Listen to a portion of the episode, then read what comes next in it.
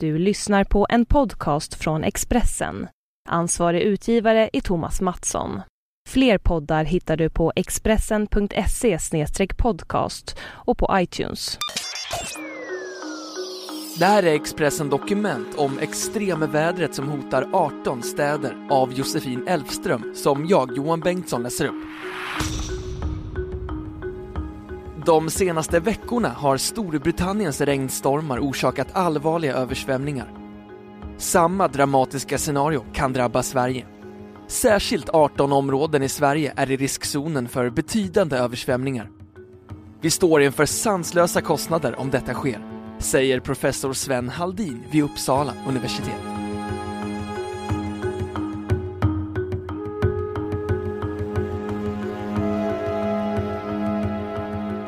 Människor riskerar att dö, epidemier att spridas och hem att förstöras.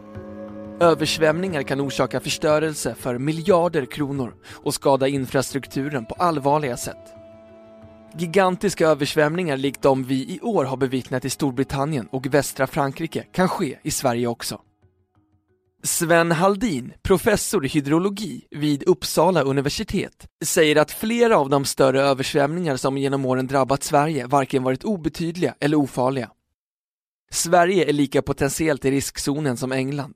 Det som har hänt där skulle kunna hända här. Klimaten är ganska lika, säger han. Vårt grannland Danmark drabbades sommaren 2011 av ett våldsamt skyfall. Under två timmar en kväll i juli föll lika mycket regn över Köpenhamn som normalt faller under tre sommarmånader. Staden fullkomligt översvämmade och värden för miljardbelopp förstördes av allt vatten. Sedan dess har kommunerna i Danmark fått arbeta med att säkra upp planer ifall det skulle inträffa igen. Den vanligaste orsaken till översvämningar i Sverige är långvarigt regn eller snösmältning. Översvämningar efter skyfall är också förhållandevis vanliga och kan leda till omfattande skador. Det är dock sällan en översvämning orsakat dödsfall i Sverige under modern tid, även om det förekommit vid några tillfällen. Myndigheten för samhällsskydd och beredskap, MSB, ringade 2011 in 18 områden i landet som kan få betydande konsekvenser om en omfattande översvämning inträffar.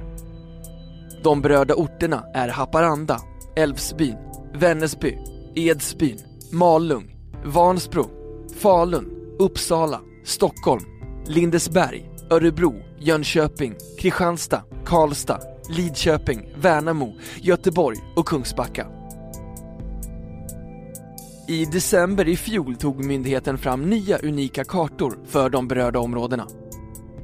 För varje område i Sverige som identifierats som särskilt utsatt för översvämningar finns nu detaljerade hotkartor som visar översvämningens utbredning och vattendjup vid olika flöden, berättar Barbro Näslund Landenmark, expert på naturolyckor på MSB.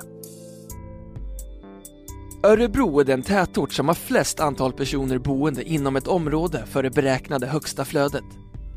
28 657 antal personer skulle drabbas vid en översvämning.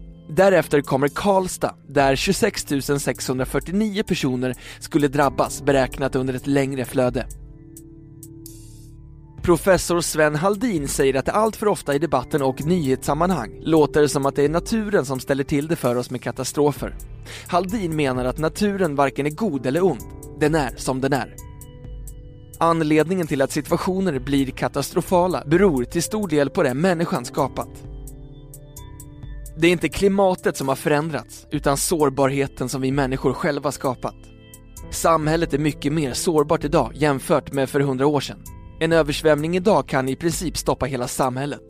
Elen slås ut, bankerna fungerar inte och telekommunikationen slutar fungera, säger han. Ytterligare en orsak till att översvämningar skapar större skador än nödvändigt är vår egen fåfänga som gör att vi helst låter bli att tänka på konsekvenser. För hundra år sedan visste bönderna att man inte bygger hus på sankmark eller nära vatten. Idag är det attraktivt att få bo nära sjöar och hav och de dyraste husen ligger nära vatten. Det beteendet får givetvis ödesdigra konsekvenser, säger Sven Haldin.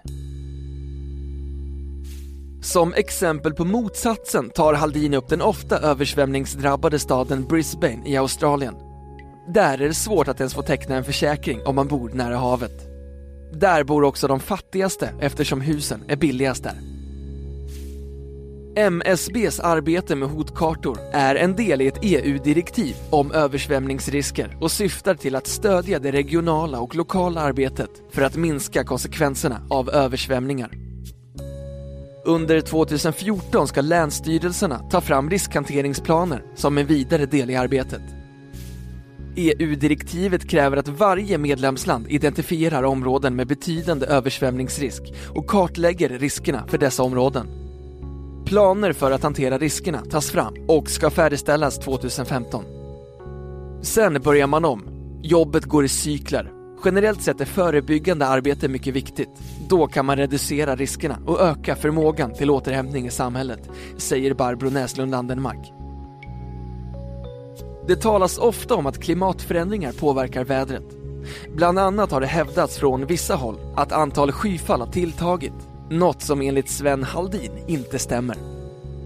Antal skyfall har inte ökat. Det finns en risk att klimatförändringarna kan leda till det. Men det är dumt att lägga kraft på sånt som kan ske om 50-100 år, när dagens situation är så pass allvarlig. Snarare döljer diskussionen om klimatförändringar de akuta problem som finns idag. Att vi gör vårt samhälle mer och mer sårbart, säger Sven Haldin och fortsätter. Drabbas Sverige av en allvarlig översvämning pratar vi inte miljoner eller miljarder, utan triljoner kronor i kostnader, säger han.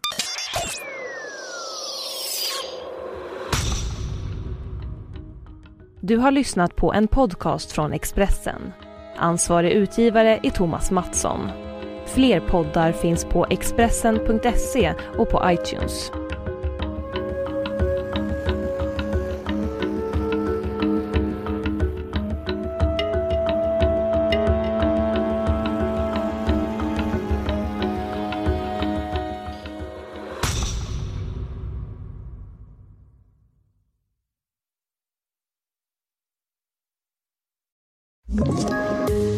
Poddtips från Podplay.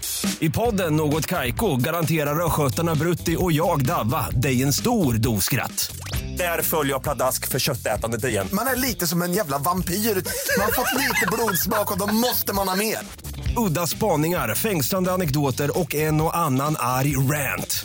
Jag måste ha mitt kaffe på morgonen för annars är jag ingen trevlig människa. Då är du ingen trevlig människa, punkt. Något Kaiko, hör du på Podplay. Därför är gardinerna.